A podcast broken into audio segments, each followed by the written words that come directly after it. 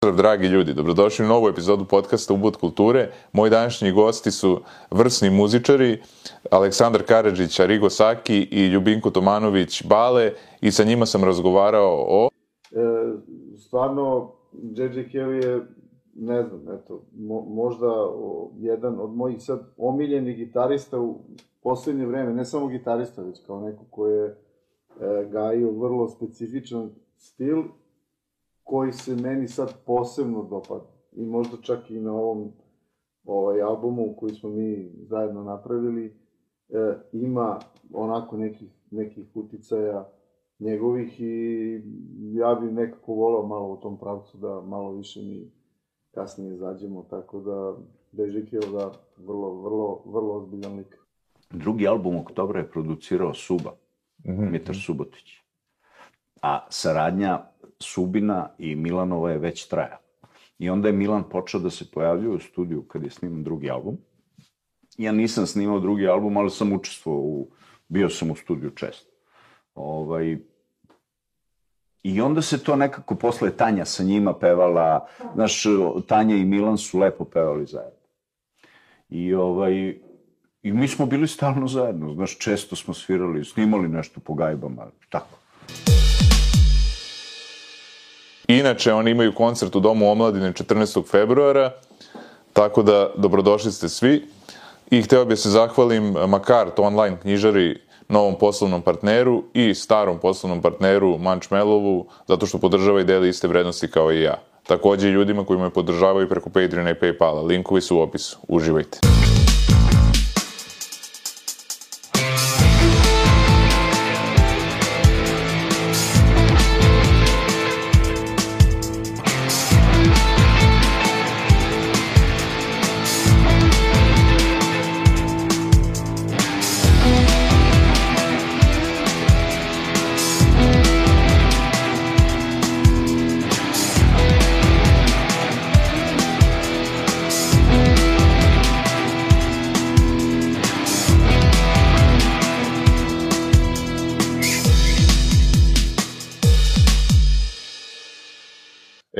Saki, dobrodošli, mnogo vam hvala što ste došli. Hvala tebi što si nas zvao. A, pozivu. Za početak imam jedno manč pitanje, a to je koji vam je koncert ostao najviše u sećanju? Bilo da je vaš ili možda od nekih stranih bendova, domaćih? Evo kolega je stariji, pa da, ali on je važniji, tako da on mora... možda ipak on, da. da. Ali nešto smo malo čas pričali, ovaj... Teško se setiti, znaš.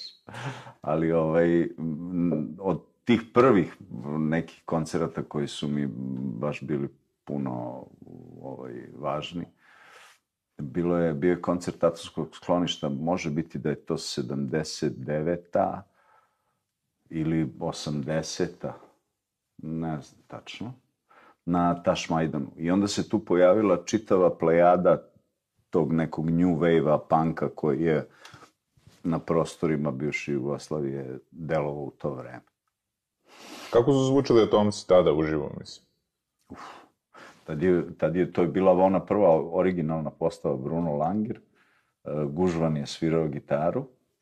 Uh, pevao je ne mogu sad, kako se zvaše, Serđe Blažić. I Bubanj, ne mogu da se setim ko je svirao. Ko je svirao Dragane Bubanj u prvoj postavi? Pa ne, moraš se razsetiti. Dobro, Dosta dosta, sam se... dosta 75%. ovaj, ba, strašno je to bilo. Znaš, po, mislim, mi smo se tad u to vreme normalno, znaš, klinci, ložili smo se na gitare.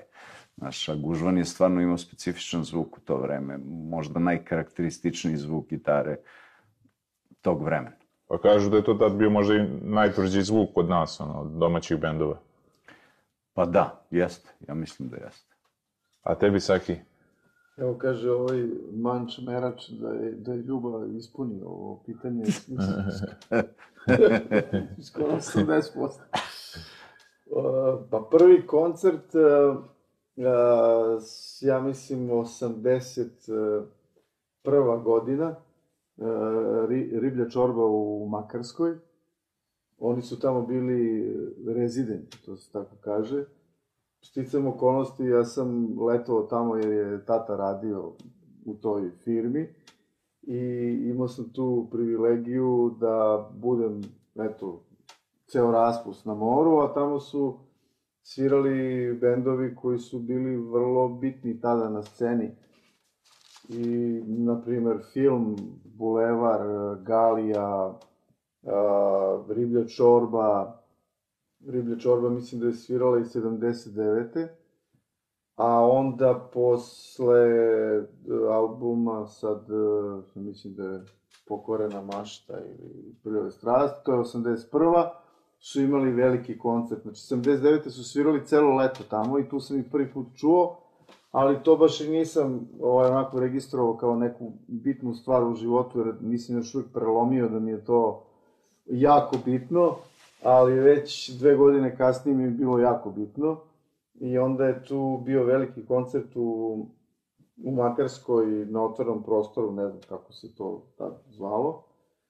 I to mi se onako baš uh, urezalo u sećanje, uh, taj čitav onako happening i taj njihov autobus, oni su imali izbrendiran autobus uh, ovaj, sa, sa njihovim logom i to je onako sve bilo vrlo fascinantno, Bora je tu ovaj, muvao se, prolazio onako, dosta me podsjećao na Morrisona, i tad je već to krenulo da me hvata. Tako da, ajde, ne, neka bude to. A što se tiče vaših svirki, je li tu bilo nekih anegdota i tako to? Mislim, i odvojeno i ovako zajedno kad ste svirali. Tako da... Pa svaka svirka je da, anegdota. Da, za sebe. Više, više nego svirka. da, da, više, da, više humor nego što je, nego što je muzika. Hoće opet kolega? Ne, ne, ti si sad, da, ti si ili ja sad. sam, ovo, ja sam, ja sam kao PR za Vlažni Kljunov, da. Ovaj, pa, prve svirke su u stvari bile ono što je kor Blaže i Kljunova, znači zabava, pivo, da, to i, i naravno muzika. Ali prva svirka u stvari bila možda i naj, naj onako upečatljivija, jer to i nije bila svirka Blaže Kljunova, već je bio kabare prljavog inspektora Blaže. Znači, jedna onako e, svirka u fazonu, ajde, skupili smo se svi tu i ajde sad nešto da napravimo u malom klubu SKC-a Kodače, tad je Dača držao taj mali klub i on nam je izašao u susret, jer smo imali jednu specifičnu želju, pošto nismo imali dovoljno repertoara, svirali smo uglavnom obrade, kao i sad, ovaj, da samo malo, mislim, u drugom pakovanju. I onda je Blaža došao na genijalnu ideju da u pauzi blokova, jer se sviralo u dva, dva, tri bloka, kao klub, ajde malo da razvučemo sve to, da, da pušta ovaj, Pornić. Sad ne znam, to smem da kažem. Smeš, Smem, da. da. da. Tako da, ovaj, Bilo je popularno, bilo je bilo je popularno. Mislim, taj kabare je postao vrlo brzo popularan. I, I tako smo ovaj, mi krenuli u ovaj, tu, da kažem... Show eh, business. Da, u show business. u, u to što se zove prvi inspektor Blaže i Kljunovi. U tu anegdotu koja još uvijek traje. A pre inspektora, mislim i uopšte osnivanja benda, ti si imao drugi bend, je li tako? I jeste, stvari to je prvi band. Da, da. Da, to je, to je prvi band koji se zvao Pretežno vedro. E, na snimanju tog benda sam se upoznao i sa ovde prisutnim gospodinom. Gospodinom Kumom. Da, da, da. da. I ovaj, vrlo brzo smo uspostavili jednu vezu telepatsku koja traje dan danas. A on je na tom snimanju ovaj, imao vrlo onako jednu zapaženu ulogu. On je zviždao na jednoj pesmi. Odzviždao. Odzviždao je tad svoje. ovaj, Pa Ali- dobro, u toj pesmi ja sam tu kao, e, tada je, e, nas je upoznao Dejan Abadić, inače moj kolega iz grupe Oktobar 864. On je bio snimatelj tog albuma i onda mi je on rekao, je kao, aj dođi malo do studija da čuješ kao neki momci, kao simpatični su i kao prave neki dobar pop, onako simpatičan. I onda sam se ja zatekao, to je bilo snimano u studiju u Zemunu kod, e, Pink Pa studio. Pink studio, da. To je, tad još nije bio Pink studio, ja mislim, to se tad zvalo kod Željka. Pink je posle, posle postao. Ali je bio pristojan studio, već je to, znaš, počelo da liči na nešto. I onda tamo nekako, znaš, ono, kao kad smo se upoznali, to je bilo na prvi... I već posle par dana je Saki došao sa još jednom, pe, došao je kod mene kući, kao je, kao ima neku ideju, e, ovaj, za još jednu pesmu bih snimio, znaš. I onda smo nas dvojica tu malo pročeprkali te harmonije, ovo ono, i, ovaj, i došli do toga da bi super bio zvižduk, znaš. I tako, a ja sam se kao ložio da, da umem da znam da zviždim.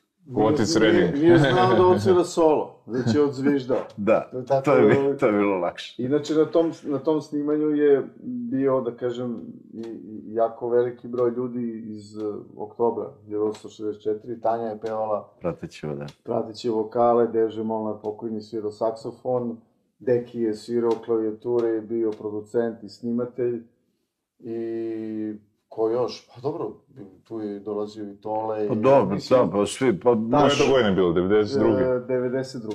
Da, tad je izašao album. Da. To je, to je ovaj, e, prvi i jedini album, a već 93. kreće to poznanstvo sa Blažom i onda 94. se faktički mi utapamo u kljunove. I onda postaje potpuno vedro. da, da, da, onda postaje, da. Ovaj, te godine su inače bile jako ovaj, vedre, tako da, ovaj, lagano tonemo u mrak sa Blažom. A tebi Ljubo, je li prvi band bio Oktobar ili si pre toga imao još neki? Pa nije. Mislim, bila je gomila tih nekih bendova. Jedan od prvih bendova su, u kome sam svirao je bio neki blues band. Ovaj, u kome, na primjer, najpoznatiji čovek iz te priče je e, Voja Pantić, e, novinar, znaš. Ovaj, pa baš gomila benda. Desilo se, na primjer, da prva svirka koju smo nešto dogovarali, pošto sam ja tu iz Braća Jerković, i onda ovaj, odemo klinci, to ja mislim da je bila zima 79 80 i kao dogovorimo se u, u, sa ovim uh, omladincima iz mesne zajednice, znaš, to je još uvek bilo cela ta priča, znaš. I kao svirat ćemo tu u mesnoj zajednici, imat ćemo svirku, bilo nas 7-8, znaš, u bendu. I ovaj, ne znam sad šta je s tim ljudima, gomila njih se, znaš, ne znam. Mislim da se niko ne bavi nešto posebno muzikom.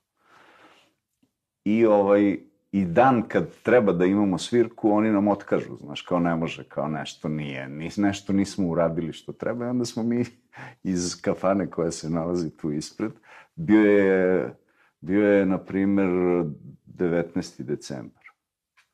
Pada sneg, znaš, mi izvučemo struju i odsviramo ispred mesne zajednice, odsviramo svirku. To je bilo zanimljivo i onda se pojavi, ne znam, u džuboksu se pojavi slika, znaš, naša kao kao kuriozitet, znaš, i tako. Razuzdani omladinci. Da. To su bile 80. ili... Pa to je, da li je bila 79. ili 80. Mislim da, da je bila 80. Mi smo tad bili baš onako mlađani. A baš sam razmišljao, zanimljivo je, s obzirom da je u oktobru ovaj, Tanja bila ovaj, glavni vokal, a redko je bilo 80-ih da žena baš bude ovaj, glavni vokal, znači može da se nabroji, mislim, na prste jedne ruke ovaj, bendovi da je žena, a sad imamo nekako više ovaj, tih, da kažemo, ženskih vokala. Pa bilo je i tad dosta, znaš, bilo je dosta tih bendova koji su imali, znaš, na toj jugoslovenskoj sceni. Pa video seks, pa O, Ksenija, Ksenija, pa, pa ne znam, grup. Jeste, pa, pa tu su bile, ne znam, Suncokret, Viktorija, suncokret i pre, Viktorija. Viktorija, pa Slađana Milošević je već Baby imala Doll, da. neku svoju, znaš, ono, pa bilo je dosta, bre, mislim, puno žena je pevalo. ali nekako... Jos, Josipa Lisac bi možda mogla da bude neka prekretnica u tom nekom jugoslovenskom tom pop rock miljeu, znaš, kao prva žena koja se odvažila da stane ispred benda kao, znaš, ne znam. Da, dobro, ali, dobro, pretežno su, dobro, okej, jesu rock bendovi, ali bili su i pop, kao Denis i Denis, pa ne znam, Marina Perazić, pa, ovaj, ali od rokerskih, dobro, Tanja je baš rock, rokerka i, ovaj, dobro, i Viktorija je može se svrsta u rock, mislim, tako da, ovaj, Da. ali u današnje vreme, eto, recimo Zemlja gruva, pa ne znam, E-Play, pa dosta ima tih, ono, Sevdak Baby, pa, pa Ivana Negativ, pa mislim, tako da, Da. ovaj, Pa pazi, Tanja je bila, ba, mislim, ja sam nekako eto imao sreću da uvek nastupam sa nekim ljudima koji su stvarno e, davali sebe na sceni. Znaš, e, nije bilo teško biti iza Tanje, pošto je ona bila, šta znam, nekako privlačila je, privlačila je ljude. Ona je rođena da bude zvezda. imala strašnu energiju na nas. Strašnu energiju, strašan glas, onako, znaš, baš je, baš je bila pokretač. Stvarno, njena energija je bila fantastična na svirkama, pogotovo kasnije kad smo već počeli da sviramo malo te veće svirke. Pa onda Blaža, ne znam, znaš, ono, to je... On nije žensko.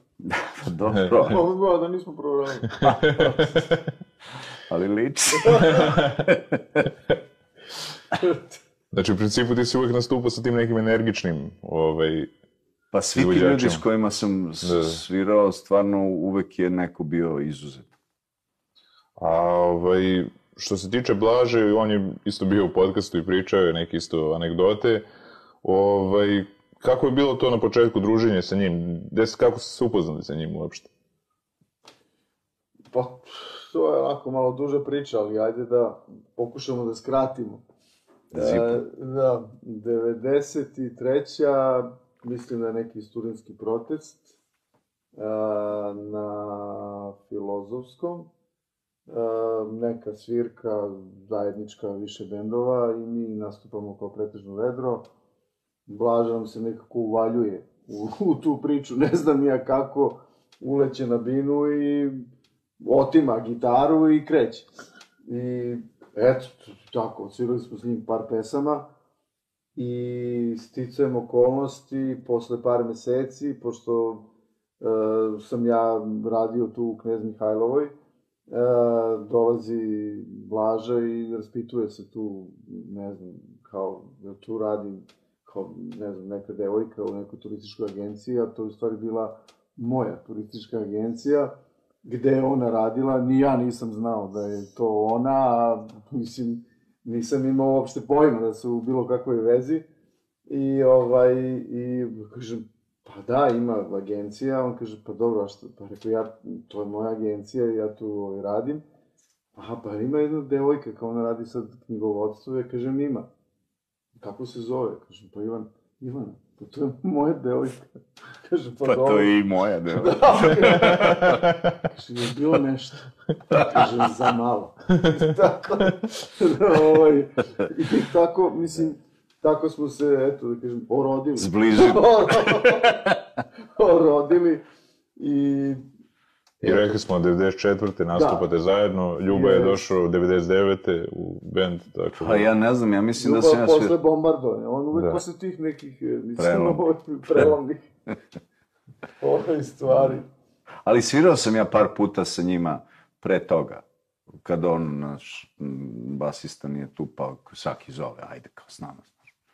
I imao si takođe i značajan band Braća Left i posle toga se sviraju 357, tako da ovaj, E, ima što ali se mala kaže... digresija, zbo- da ne zaboravim, mislim, bitan podatak u karijeri ovaj, gospodina. A, 2002. godine je i producent albuma a, m, Pare ne pa, vraćamo. Pare ne vraćamo, da, mislim, album koji je nama doneo priličnu popularnost, jer se na, to, na tom albumu nalazi pesma Sunce tuđeg neba, odnosno Srbio, i to je, mislim, remek delo od ovde prisutnog gospodina. Sad, da, remek delovi nije. da, Ali to smo lepo radili, Da. opet smo nas dvojica bili tu, Yes. znaš, ono, u studiju Tu je pesma Mnogo volim pivo i tako još par nekih ovaj, tih bisera iz naše karijere. E, snimano je kod e, Bareta u, u Zemunu i to nam je onako baš bio jedan, jedan lepo, ovaj, da kažem, e, uopšte doživljaj, ceo taj koji tamo e, je vladao svo to vreme dok smo snimali, tako da... Pa bilo je puno gostiju, znaš, Jest, puno ne gostiju, znam, Jelići. Jelići, da. To je samo rock and roll isto na tom albumu, da. Tako da... U to vreme su i Breakersi snimali tamo Jest. svoju... dosta, dosta bendova je tamo snimalo, kod Bareta je bila onako prilično opuštena atmosfera i dobar vibe i dobar zvuk se pravio i mislim da je to onako na tom albumu se čulo. Tako da, eto, digresija za, za Da. karijeru. Ali čak su i bijesovi ovaj, obradili vašu pesmu od braća Left, jel tako? Da, da, Neki- da, Aikido. Pa sad skoro je ovaj, mi- nisam se javio čoveku, a obećao sam da ću posle odmora da mu se javim. Nikola Čuturilo, Bože Čuturilo, Nikola, ovaj bre, ne mogu se setim čovek. No, dobro, ti koliko godinama. Ovo ćemo da isečem. ovaj bre glumac eh, Nikola Kičić. Uh, Đuričko? Ne. Đuričko. Da, Da, on ima neki bend u, u, u Los Angelesu i sad i oni hoće da obrade ovaj, Aikido. Pa, pa je nam je pisao svima jako lepo, znaš, ja sam prvo ko, čekaj šta je ovo, kad mi je stigao mail, znaš, onako baš je bio mm, izuzetno fini, znaš, obratio se kao svima nama iz benda, da li imamo nešto protiv i tako. I on kaže da je to mm, neobična obrada Aikida, ali nekako m, braću Left identifikuju sa Aikidom, a tu je bilo još još dobrih pesama. Da, da, naravno. Pa, Evo da vidimo, na primjer. Ajde, Aha, Aikido, tela bez spoja, anđeo, hodač po žici, grad, sanjaj. Dobro, to je stvarno stvar. Rođeno biće, vođeno biće. Vođeno biće, da. Ruke, koncentracija, vidi mi se, brate, i meni isto omiljena. Jutro. to je dobro, da, to je Da. odlično, to je tole to. Pa mislim, dosta tu ima tole tovih Ovo je drugi. Ovo je inače je to tole tvoj burazir, jel tako? Da, da, mi smo braća. Da. Zato se zove band braća Left. Ne, ne. ne, ne znam zašto, to je, uh, ne mogu da se setim kako je. Braći Left su bili vrlo karakterističan. Mi smo besomučno probali, besomučno smo imali probe, e, redko smo svirali, ne znam, nekako je scena bila zatvorena za nas u to vreme, ali je na tim probama uvek bila žurka, znaš, tu je dolazilo po 20-30 ljudi, znaš, ne možeš da uđeš u prostoriju koliko je došlo, ovaj, i to je bilo baš onako neki, I kad uđeš u prostoriju, ono štipa, znaš. ne, Mislim, Da, od zime, gugu- od znaš, zima u prostoriju, pa ti štipa, gužve, ono, šta je ovo. Ovaj, ali je to bila neka, kako da ti kažem, nije bitno da li sviraš ili ne sviraš, bila je neka hipi, neka komuna atmosfera, znaš. Mi smo, na primjer, ovaj album koji je sad Saki držao u ruci, mi smo ga spremili na Dunavu, na, na Čamcu. U to vreme je Dunav bio zatvoren, Jugoslavija je bila pod sankcijama, mi iznajmimo na Svetom Nikoli Čamac, odvučemo se gore, odvezemo se do do ne znam, do Batajnice, na primjer. I onda pustimo čamac da pluta, jer je bilo slobodno, nema velikih brodova, nema ništa. I sa akustičnim gitarama, znaš, kao pravimo aranžmane i pevamo i, i onda se spustimo dole do Lida, onda opet upalimo čamac, a, motor i odvučemo se gore, tako da smo za par dana, znaš, tako spuštajući se niz reku. Završili u Rumuniji. Probili sankcije. Da, ali to je zanimljivo, mislim, znaš, to je neponovljivo. Pa znam za Pistolse da kad su bili zabranjeni da su oni probali da izazovu buru tako što su se isto vozili temzom i ono uzvikivali ono i pevali Da, God Save the Queen, da. da, da. I tu je onda nas skandali u svim novinama izašlo i tako se pročulo za njih još više. Tako Pa da. dobro, pazi, kod nas je razlika od, od njih, znaš, mi smo tada živeli u, u pritisnutoj zemlji koja je ipak bila slobodna, znaš, Da, da, tako da. da si mogao da radiš šta hoćeš, nikom, nije, nikom ništa nije bilo. Nije bilo briga. Da. Da, da, da. A reci mi, ti si bio i na turneji sa Breakersima, ili tako? Pa ja sam kratko svirao s Breakersima, ali eto, vidiš još jedan veličanstven, znaš, mislim, ne znam kako se meni to sve desilo, ali, znaš, svirati i biti na bini sa ne, Canetom i Antonom je fenomenalna jedna stvar. Jedan doživljaj koji je, znaš, mi smo, ne znam, naj... Ima tu par događaja, jedan od njih je ovaj, se prepričava svirali smo u Zaječaru, pa je onda Cane malo isprovocirao publiku, znaš, i ja sad... Kako to? pa dobro, on, šta znam, to je njegov vid komunikacije i meni je to uvek bilo drago. Ali kada sam čuo šta on kaže, publici, znaš, ja se okrenem ovako i, i kako se okrenem, pogodi me kamen i razbije mi arkadu, znaš. I ono krv sad, bog zna kako, znaš. Ja priđem kod Ceneta, donesem kamen i kaže, čuti, evo tebe, znaš, pobiće nas. A, a, a on kaže, šta je, braće, opet smo u kamenom dobu, a on je opet kamenje i tako. Ali, ovaj, eto, uh, kada sam svirao to kratko tih par koncerata, svirali smo nešto, uh, jednu turneju po Sloveniji, pet gradova i praktično puno ljudi iz Hrvatske je dolazilo da gleda te koncerte. I tada sam bio zapanjen njihovom popularnošću. Stvarno. Znaš, kao da sam svirao u Rolling Stonesima. Tak, takav sam utisak imao. Već sam imao neko iskustvo velikih koncerata, ali to sa Breakersima je bilo izuzetno. To je bila turneja Kiselo i Kiselo i slatko, da. Da, da. A onda i takođe I kratko. Si... Da, da, da. da. Takođe si imao jedan isto tako, ovaj, de, ajde da kažemo, period karijere kada si svirao sa 357. Pa to je mnogo kasnije, to je, to Da. je sad skoro bilo. Aha. Pa pazi, i Nikola je, ovaj, uh, mislim, i Nikola je strašan genij. On ne svira ni jedan instrument, ali... Mislim, sve ovi ljudi koje pominjemo, svi su geniji. Da, da. Znaš, pa i Nikola. Da. E, On ima neverovatan sluh. E, Znaš, stvarno neverovatan sluh i neverovatan dar da napravi pesmu i neverovatan dar da, da napravi e, veliki događaj. Znaš, on je veliki majstor scene. Stvarno. Mi smo svirali, e, pa to je Saki primetio, može on to da ispriča. Da, da, mislim, vrlo čudno da čovjek e, od dve pesme napravi koncert. Znači, spektakl koji se već godinama ovaj, dešavao, mislim, ne spektakl, već jedan lep koncert koji je u školi e, Rade Domanović. Rade Romanović na Novom Beogradu, gde se na kraju svake godine organizuje rock koncert, znači jedna, kažem, fantastična stvar. Par puta smo i mi svirali. Za klince, osnovce, Za klince, znaš. osnovce, roditelje i tako ko je već tu došao.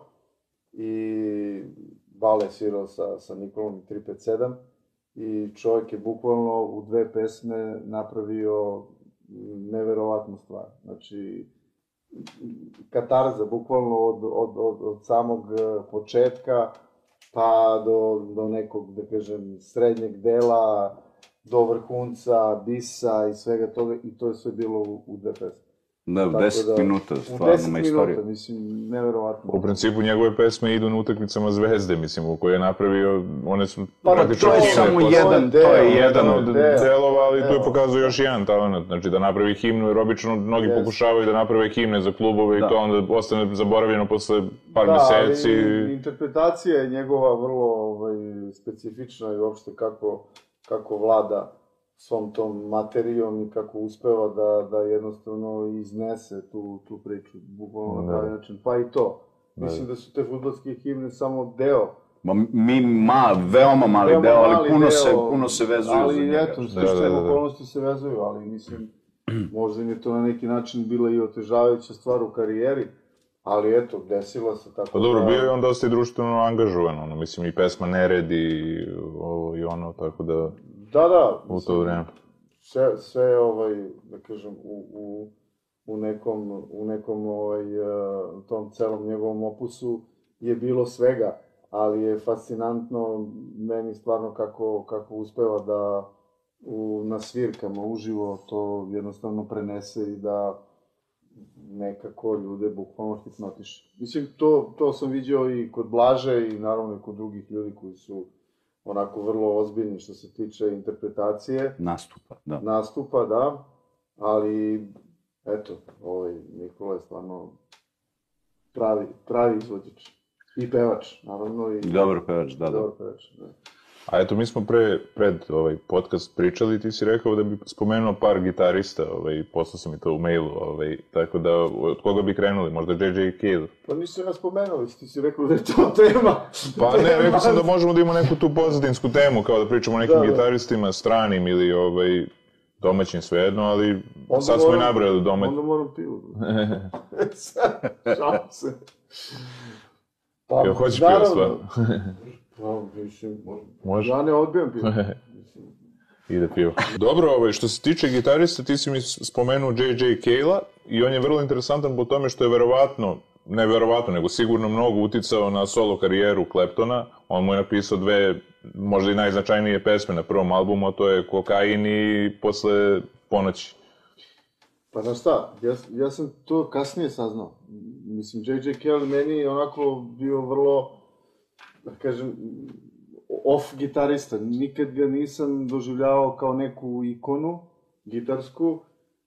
Bio mi je negde u glavi i nekako on je uvek tu, ali tek kasnije i to relativno skoro, možda pre jedno 5-6 godina sam malo ozbiljnije se pozabavio njegovim likom i delom i onda sam tu otkrio i svoju neku, da kažem, crtu, odnosno vrlo slič, sličan senzibilitet koji on gaje ima, a onda sam u stvari shvatio i taj deo priče koji je Clapton pokupio od njega.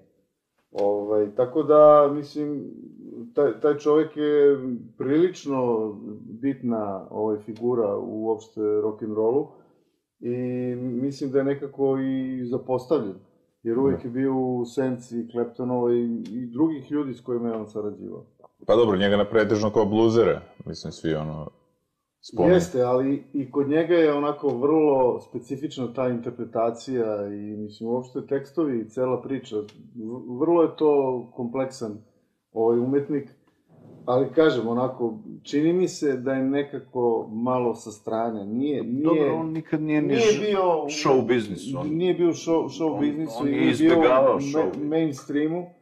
Znači, možda i mogo da doživi slavu Dilana, mada opet, da kažem, to je, to je, to je neka opet druga priča i Dilanova ovaj, lirika i sve to što ide uz njega je vrlo ozbiljna i kompleksna, ali e, stvarno J.J. Kelly je ne znam, eto, mo, možda o, jedan od mojih sad omiljenih gitarista u poslednje vreme, ne samo gitarista, već kao neko ko je e, gajio vrlo specifičan stil koji se meni sad posebno dopada. I možda čak i na ovom ovaj, albumu koji smo mi zajedno napravili, e, ima onako nekih, nekih uticaja njegovih i ja bih nekako volao malo u tom pravcu da malo više mi kasnije izađemo, tako da Bežik je da vrlo, vrlo, vrlo ozbiljan lik. Pa sad si spomenuo B.B. Kinga i on je isto interesantan i vezan je za o, Kleptona.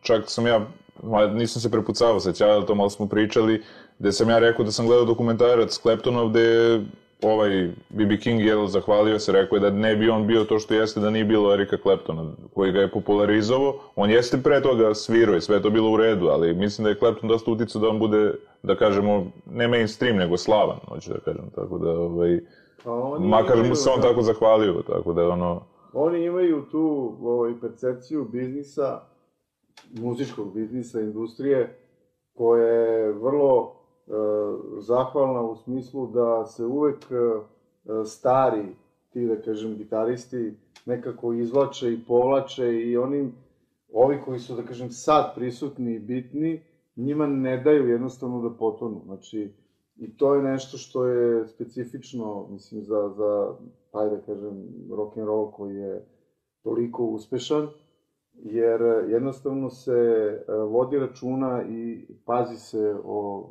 ovaj Preteča.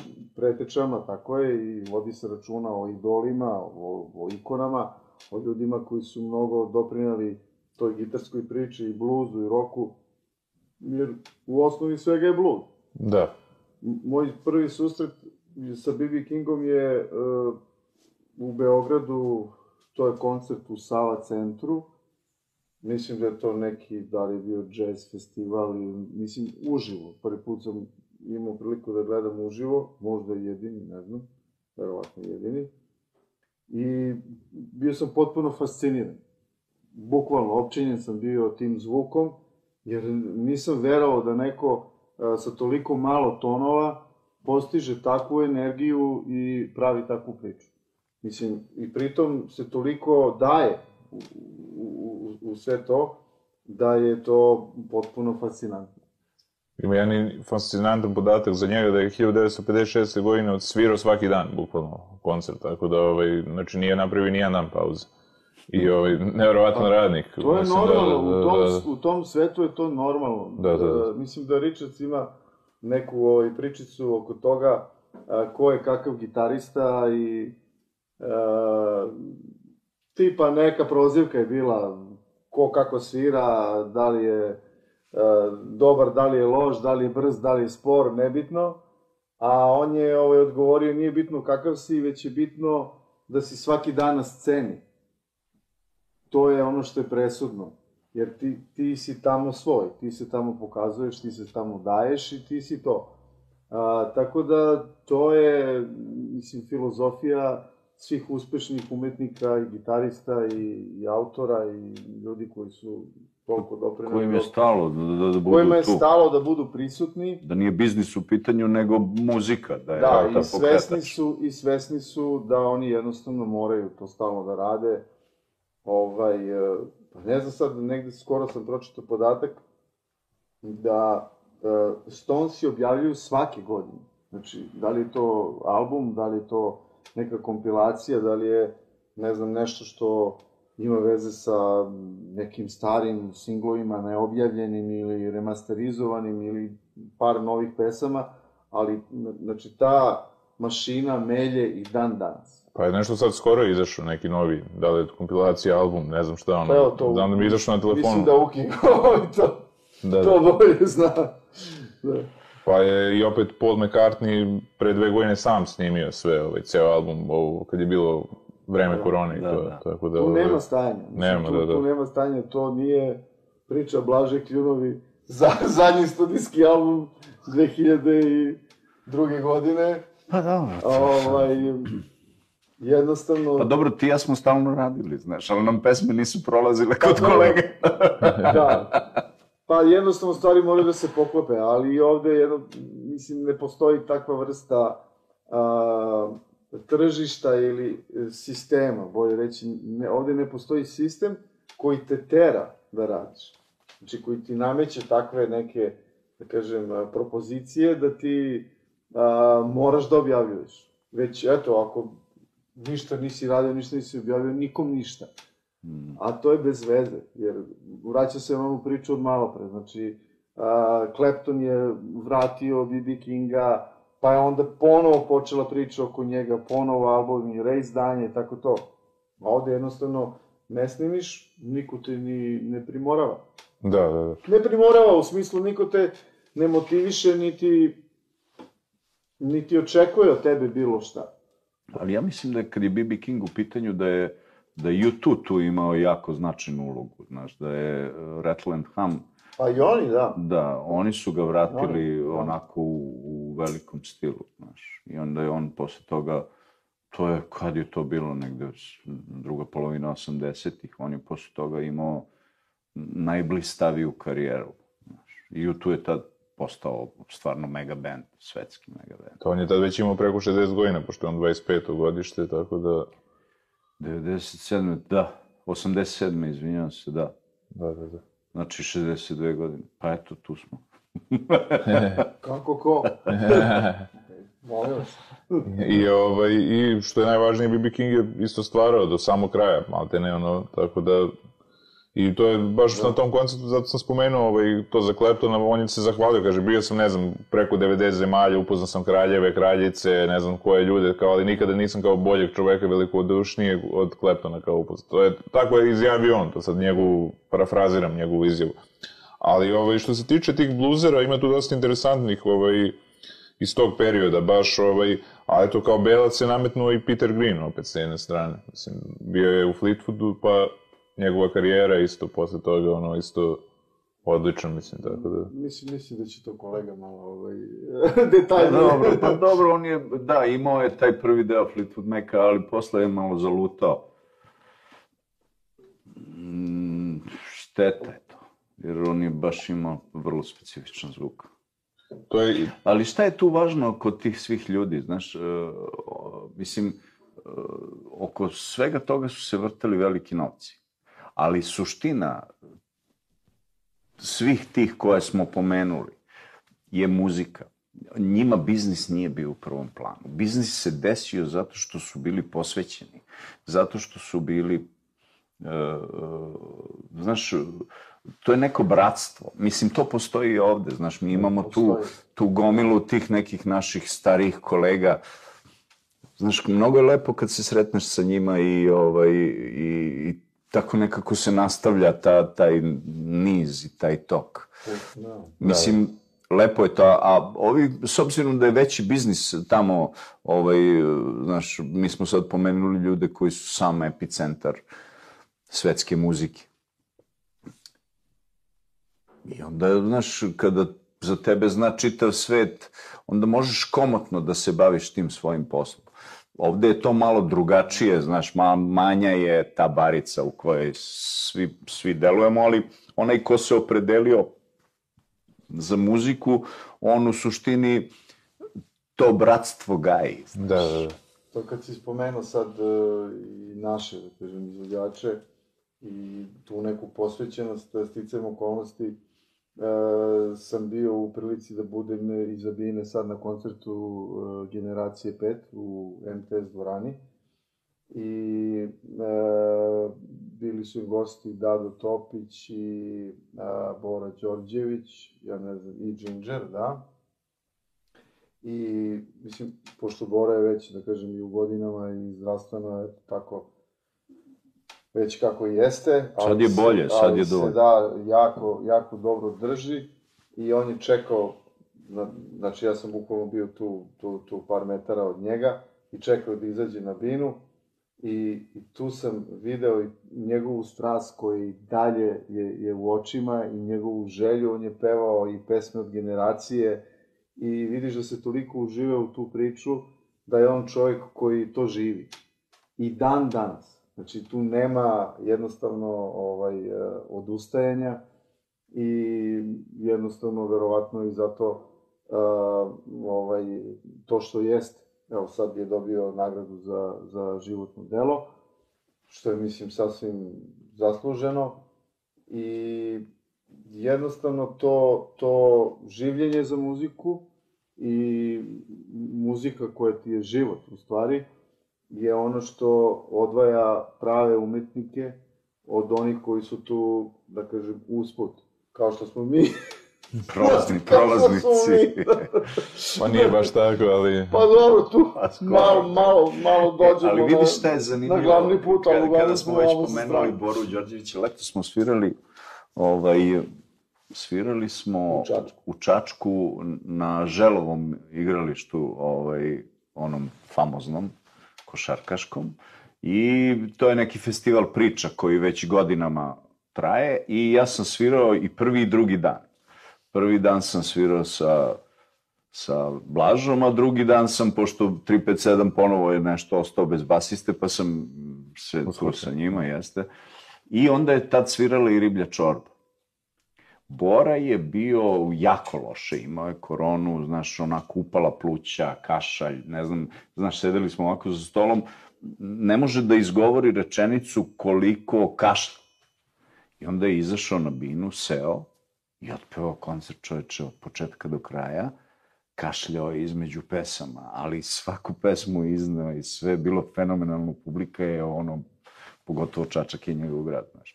To je bilo onako, ja ne znam da li da plačem, znaš, toliko je bilo puno nekih neverovatnih emocija i neke snage iz tog čoveka, ne, neverovatno, stvarno. A drugo, sa naše tačke gledišta, znaš, Riblja čorba, mi smo imali nekoliko revolucionarnih bendova, ali Riblja čorba, ja kad sam, ja sam bio osmi razred, kad, kad je, ovaj, ne znam, se, ili sedmi ili osmi razred osnovne škole, kad se pojavila lutka sa naslovne strane. Čoveče, to je bila potpuna revolucija, znaš, da neko na taj način govori, da neko otpeva pesmu koja priča o tome o čemu je Bora, to je bila potpuna revolucija. Ja mislim da je on jedan od naj... On, možda i Johnny Štulić, znaš, to su ljudi koji su doneli drugačiji način razmišljenja u, u pesmu. Znaš, počeli da se bave nekim socijalnim pitanjima, nešto što je u, u prethodnom životu muzike kod nas bilo nezamislivo. A onda kaže Johnny, a onda je došao Bajega i snimio za žmuri. Pa dobro i Bajaga je revolucionar, da se ne lažemo. Pa dobro, ali, ali pre svih isto treba spomenuti Arsena koji je uveo to prvo, da kažemo, lice ovaj, U muziku, pre toga, da, da, da, da. Pre toga to nije bilo i on je svakako isto eto to što sad pričamo kao nešto i on je nastupao sa Borom, ima taj čuveni koncert ovaj, koji je super ispao, Čutura je svirao gitaru, baš je pričao ovde kad je...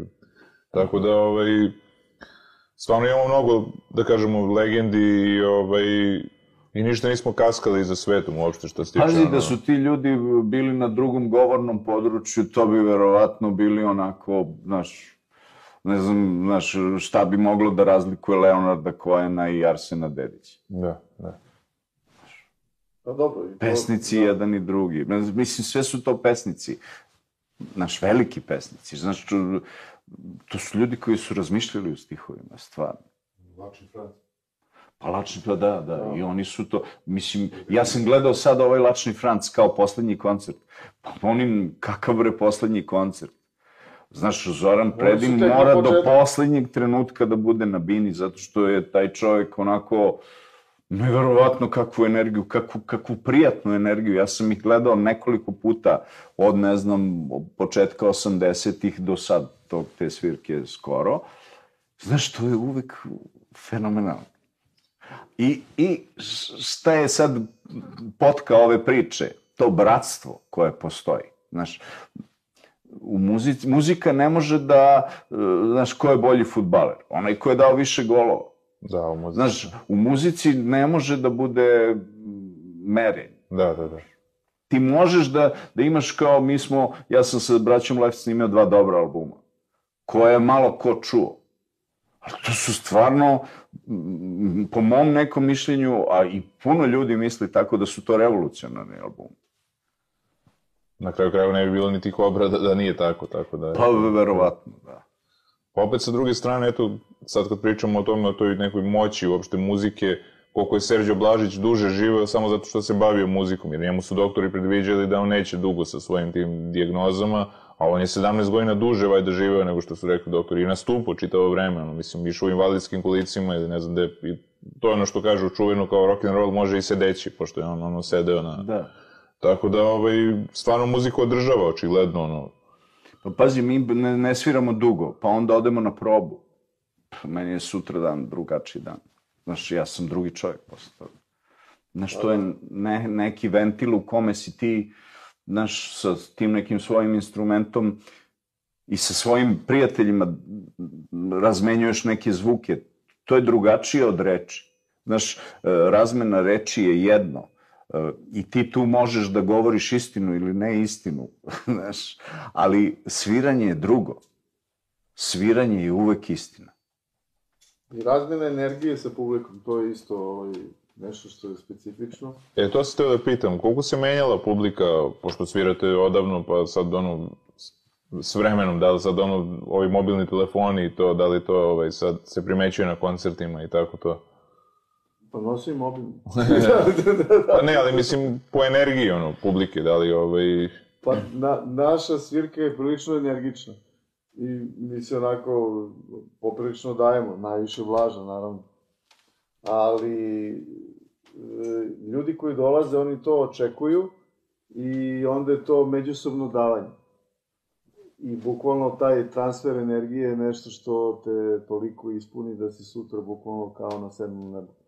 Ali verovatno i ta revolucija, to u početku, kad, dok još nije bilo, ovaj, dok se još publika nije navikla, mislim, bilo je verovatno zanimljivo, ono, kad su tek počeli rock bendovi da sviraju, pa dok se publika navikne na to, ovaj, E, o tome moraš da pričaš sa, Sa sa, nekim braćem starijim. Jelićem. da, da, da, da, da, da.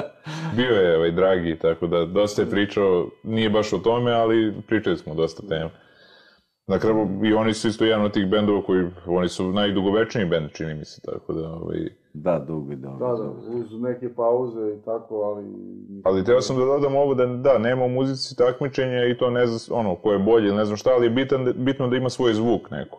Baš što se tiče gitare, to je vajda, Evo, mi smo sad sve ljude koje smo pomenuli, to su sve karakteristični ljudi. Da, da. Ali, pazi, svaki čovjek je čovjek za sebe. da, da. I svako je, uh, ne znam, stvo, ne stvoren, rođen. da. Svako je rođen po jednom modelu, taj kalup više ne postoji.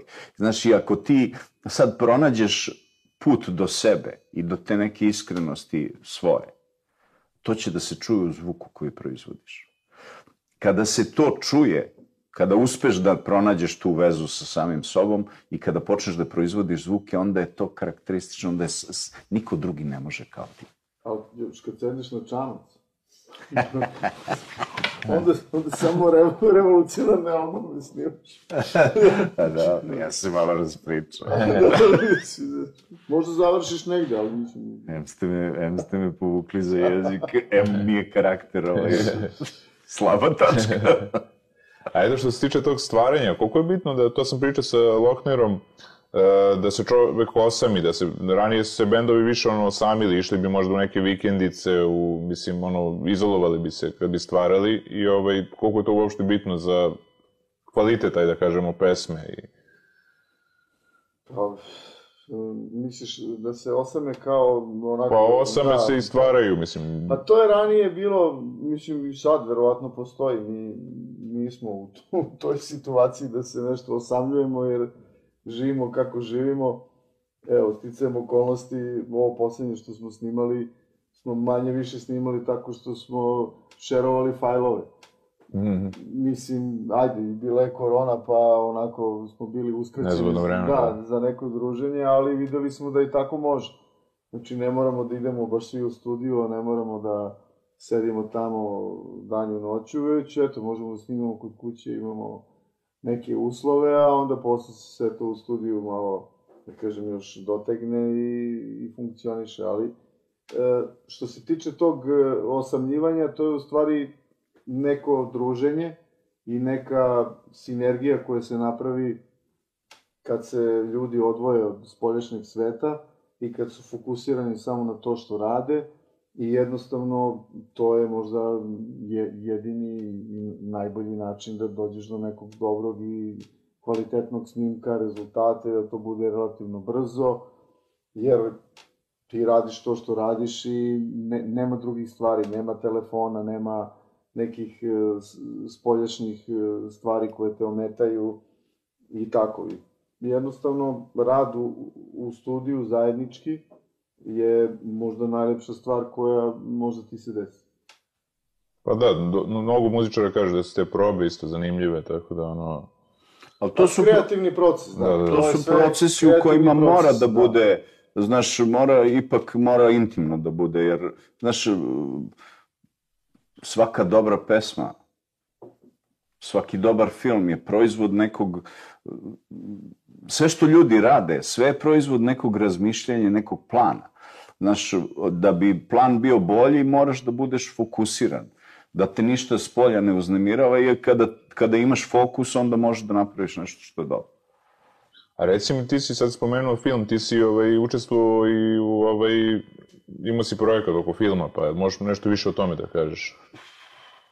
Pa, Više projekata. Više. Više projekata, Više, ali da. ovaj jedan je bio nagrađen, tako. Pa to je davno bilo, to je bilo 2001. godine ovaj, za neki film, tu sa nekim prijateljima sam, baš u vreme bombardovanja, smo mi to negde završavali, ovaj, pa sam onda, onda se pojavio neki, neki virus koji, je, ovaj, koji mi je spržio ovaj, računar, znaš, pa sam onda morao sve da radim iz početka i tako baš je bilo.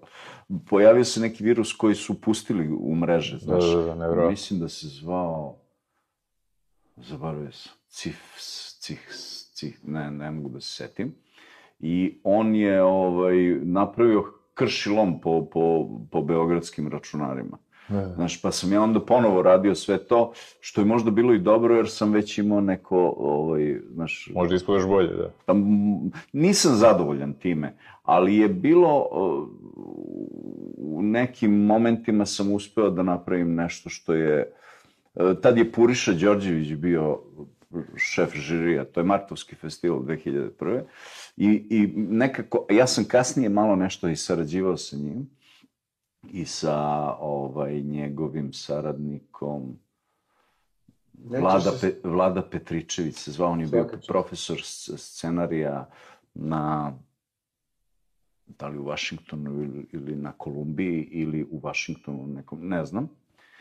Ovaj, u svakom slučaju oni su bili i ja sam nekako potrefio taj njihov zvuk. Mislim da je Puriša bio presudan za, za to što sam ja dobio tu nagradu.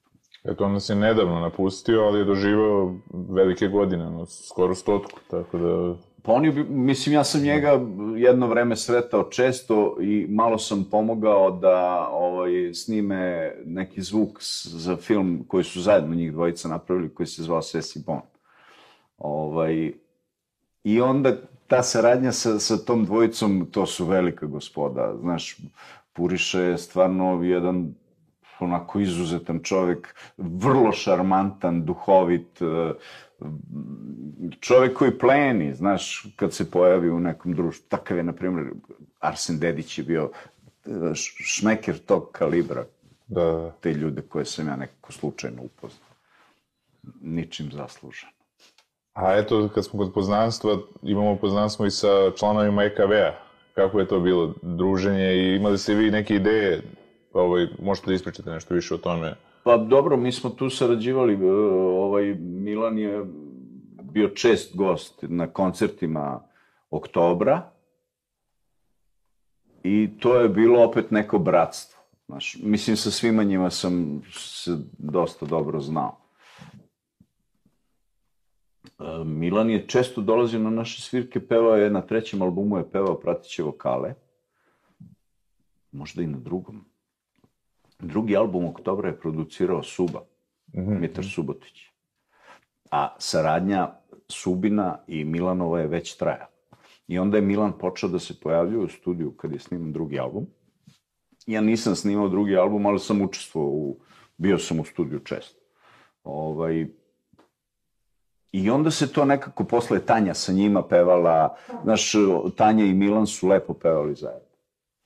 I ovaj, I mi smo bili stalno zajedno, znaš, često smo svirali, snimali nešto po gajbama, tako. Vi ste posle došli na ideju i da ovaj, imali ste neku ideju da organizujete koncert ili šta već za Milana, je li tako?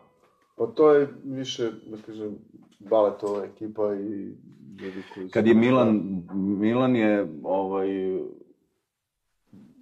možda umro, 94. Milan umro na moj rođendan. A ja sam tad svirao sa Breakersima, tog dana smo svirali u, mislim, u Mladenovcu.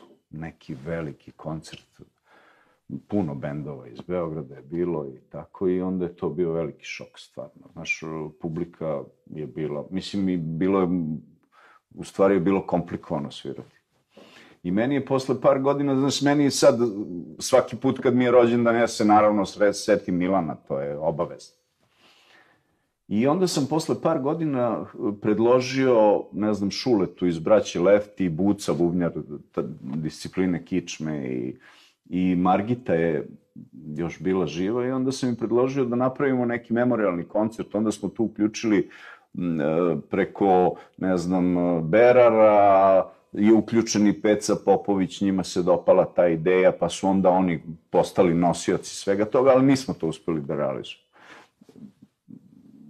bila ideja da, da obeležavamo Da se svake godine obeleži... Yes, da se obeleži taj, taj, mislim, ipak je EKV bio značajan, jako značajan jugoslovenski den. Pa još jedan od tih revolucionarnih, da kažemo. Pa da, Tako da... da. A eto, ovaj, i Suba je nesrećno nastradao tako što je spašavao jel, svoje ovaj, snimke u požaru u, ovaj, u Brazilu, tako? Da.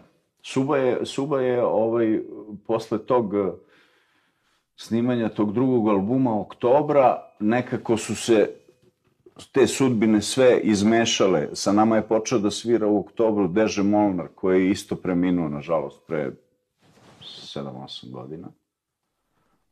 Saksofonista iz, eh, svirao je sa laboratorijom zvuka. Znaš, jedan mnogo, mnogo gotivan tip i, i sjajan svirač i, i showman neki svoj način, pr vrlo prijemčiv čovek, a Suba i on su bili kumovi.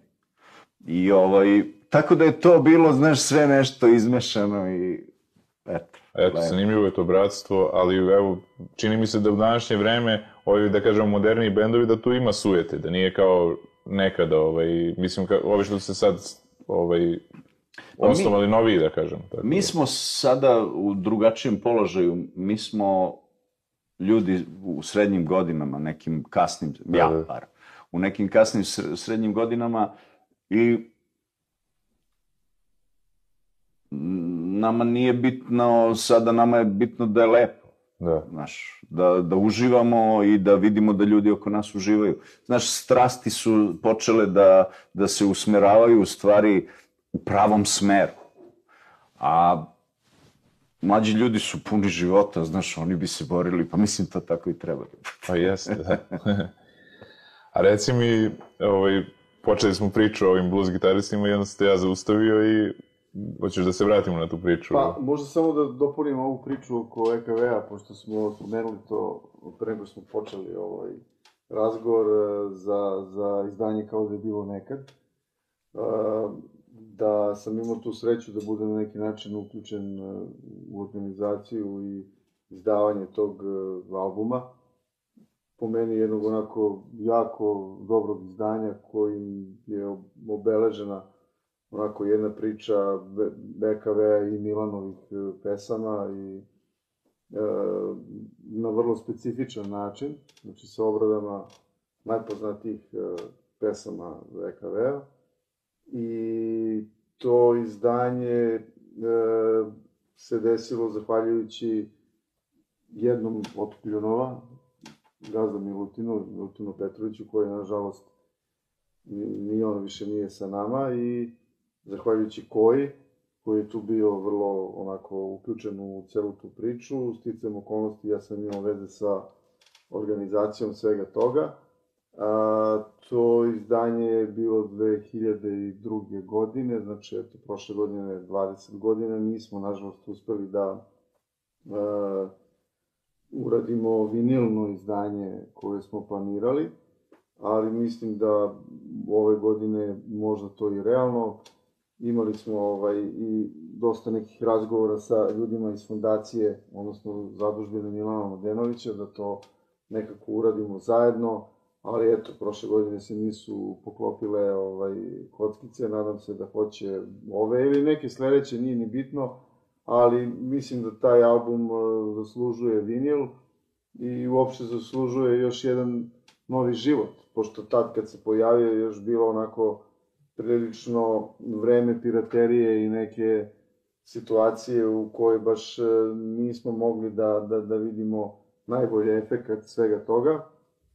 Ali eto, kao, kao, i, kao i albumi Braće Left, tako i mm, taj album nekako je ostao ovaj, vrlo, vrlo prisutan kod nas kao nešto što je, što je bitno i pesme se i dan danas emituju i vidim da ljudi jako lepo reaguju na to, tako da eto, to mi je jedan od zadataka da to ponovo pokrenem sa, sa ljudima iz zadužbine i mislim da ćemo uspeti u tome. Super, ja vam želim Da. puno sreće u tom Hvala. poduhvatu. Ja bi samo se nadovezao. Saki je pratio ovu priču koju smo mi pokušali da napravimo. I onda je polako, e, posle par godina, realizovao zajedno sa ljudima koje je pomenuo. Ali šta je bilo važno u, u, u tom? Nas je prekinuo u tom radu, u stvari prekinulo nas je smrt Bojana Pečara. To je nekako raz, za sve je to bio veliki šok a on je vrlo značajan, ta, ta kreativna trojka, Margita, Milan Mladenović i Bojan Pečar. Ja sam, igrom slučaja, sam odlazio na probe kad su pravili album Ljubav. Mislim, to su stvarno bila tri veličanstvena stvaraca. Bojana je spominjao još neko, sad ću se sjetiti Čutura, da, da su oni zajedno nastupali po Londonu, ali tako, ovaj, Da. kad, kad je bio, tako da... Bojan Pečar je bio takav svirač, čoveče, i takav muzički talenat i on je puno aranžmana EKV napravio on. Znaš, prateći vokali, svi ti lepi prateći vokali koji su se čuli kod njih, to je sve bilo njegove. Čuo je kao slepi miš. I svirao je bas na jedan neverovatan način. Ja mislim da je on jedan od najzanimljivijih jugoslovenskih basista. Mislim, ima puno dobrih Da, da, da, svirača, da. ali on je vrlo, vrlo, on je bio kao buldožer, čoveče. Kad počne da svira bas, to, znaš, on odsvira jedan ton, to niko nije mogao kao on. Znaš, odsvira jedan ton i prevrne se cela hala u kojoj se dešava. Nevjerojatno čovjek. Ali eto, kad smo kod tih naših basista gitarista, dobro spomenuli smo na početku i Dragana Gužvana, ovaj, ali koga bi još tu spomenuli, eto, da se nadovežemo na tematiku, ajde još, ovaj, i što se tiče domaćih.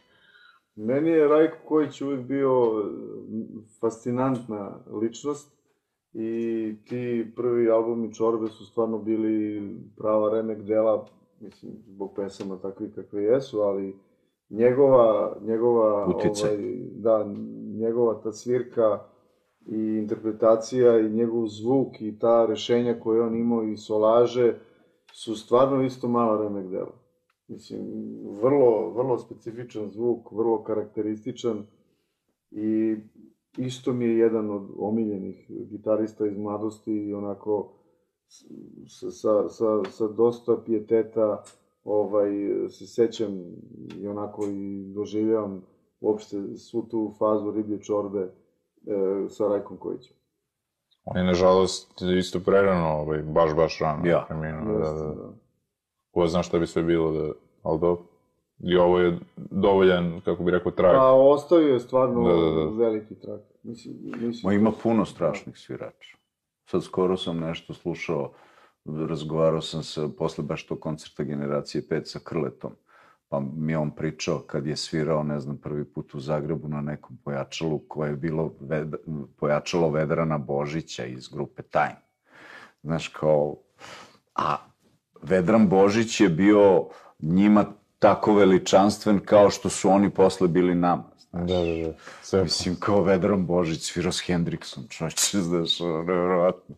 Ovaj, Krle ga gledao kao malo dete, Krle koji je odsvirao, ne znam, bre, 500 albuma ljudima po, po Srbiji. I po Jugoslaviji više. I tako, znaš, ima puno tih nekih Da. ljudi. Da. Pa i da ne bi dužili sa tom temom, ti si spomenuo Marka i Dire Straits, oni su, u stvari, to je zanimljivo, ja to nisam znao, da su se oni pripremali u Jugoslaviji ovaj, za svoju turneju, to jest u, U Dubrovniku su da, bili, da, da. da, da, i to je... Split.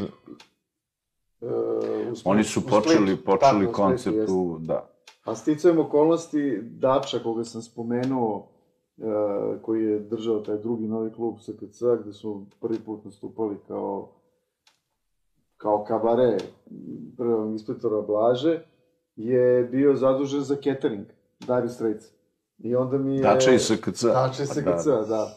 I onda mi je pričao tako te neke Legend. stvari, ovaj, i, i ja sam zapamtio jednu stvar, a to je da je Nofer e, svako veče posle proba, imali su dve probe u toku dana, znači pre podne i, i, i, i popodne, i da je on svako veče zvao svoju ženu i pričao sa njom tri sata. Da, to je legendarna Da. priča. To svi ja, pričaju. ja nisam verao.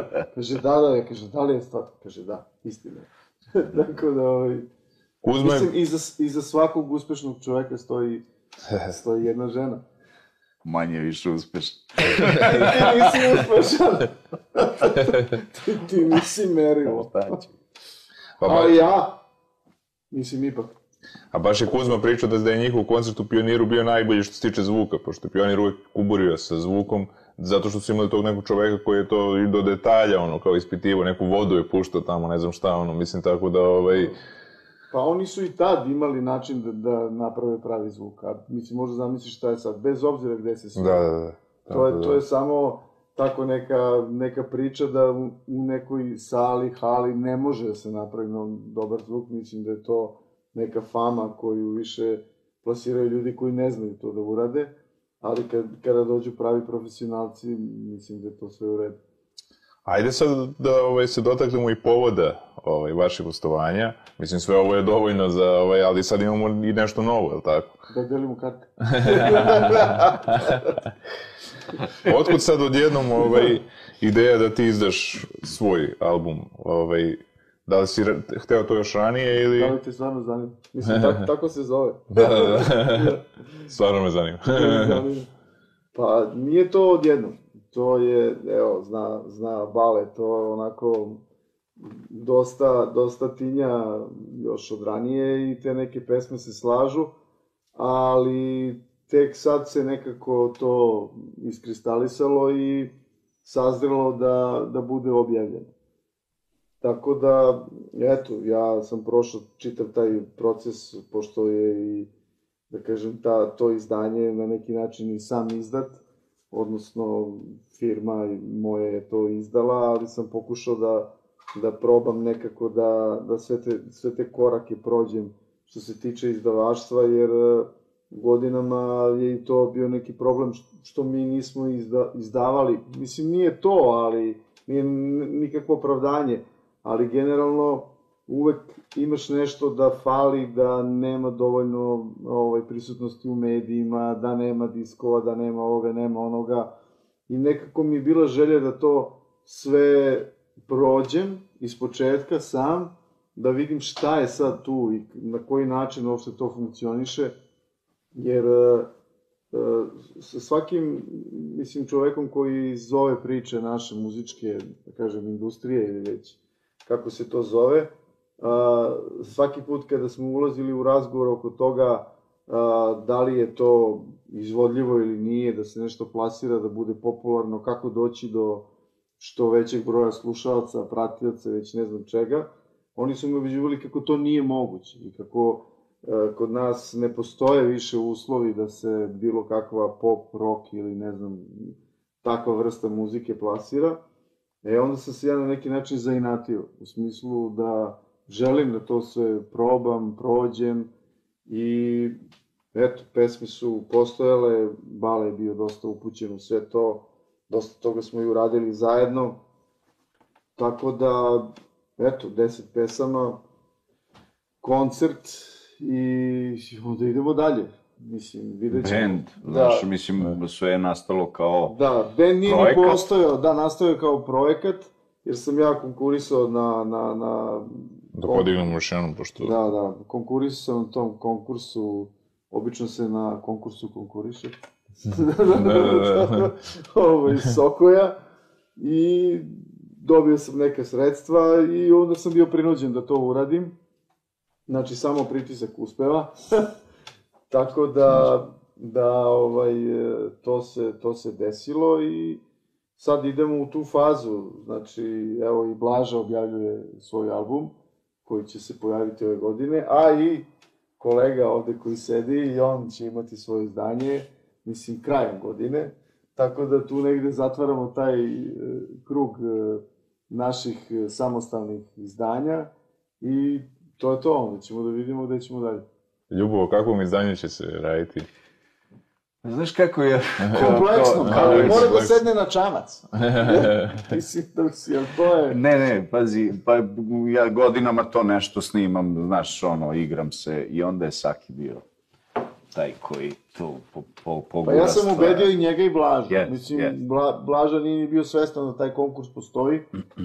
I onda sam mu rekao, čoveče, ti, mislim, imaš sve uslove, kao i Bale, jer u dosta pesama je Bale i bio i aranžer i autor muzike, mislim, ne samo ovaj, kod braće Left, već i ranije u oktobru i naravno imate sve uslove da možete da se kandidujete za jedan solo projekat. Tako da su uspeli u svemu tome. Vidjet ćemo, ne znam kako će to da ispadne na kraju, znaš, to je ovaj, to što ja pokušavam sad da završim, to su neke atmosfere, znaš. Mislim, to jesu kompozicije koje imaju i vokale i sve to, ali nisu, nisu pop pesme, nego su nešto, znaš, pošto ja volim da kad pravim neki zvuk, volim da on pravi slike sam, znaš.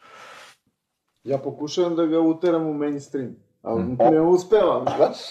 on pokušava da me ukalupi u, u pop formu. Znaš. Ne pop, ali nešto što je, mislim, da. da danas pesme traju tri i po minuta i to je nešto što je već, e, da. kažem, standard postao, tako i ovih deset pesama, mislim, nije baš da sam tako hteo, ali jednostavno e, druga opcija je bila da se pesme prave u nekom, da kažem, aranžmanu koji je nama prihvatljiv, pa sad koliko traju da traju, da li je to 7, 10, 11 minuta, a da se onda prave verzije koje su radio edit. Evo, Kuzma ti je bio gost, ne znam da ste pričali na tu temu, ali on je dosta proučio čitavu tu ovaj, e, materiju. Jednostavno, ne postoji mogućnost e, da se bilo šta što dugo traje emituje ili zadrži pažnju ili uopšte živimo u takvom vremenu da, da je to jednostavno realnost. Čak pa kaže da novi generacije ni ne znaju osim refrena celu pesmu, da ih ne interesuje se cela pesma, samo refren i to je to ono. Mislim, pa ima te statistike koje kažu da, da. prvih 10 sekundi, ovaj da sad, da, bilo je ovaj da 30, sad je 10, 15 sekundi i opredeljuje nekoga da će to da ono, krene dalje ili, ili ne. Tako da živimo u vremenu koje je onako vrlo problematično što se tiče pažnje i fokusiranja. Tako da Bale ima taj problem za sad još uvek 7 e, plus. ne prevaziđe, znači 7 minuta i više, gde voli da ponavlja ovaj, raznorazne stvari i onda je stalno pokušavam da ga nekako uteram u to skraćivanje. Ja to nešto gledam kao meditaciju, znaš. Da.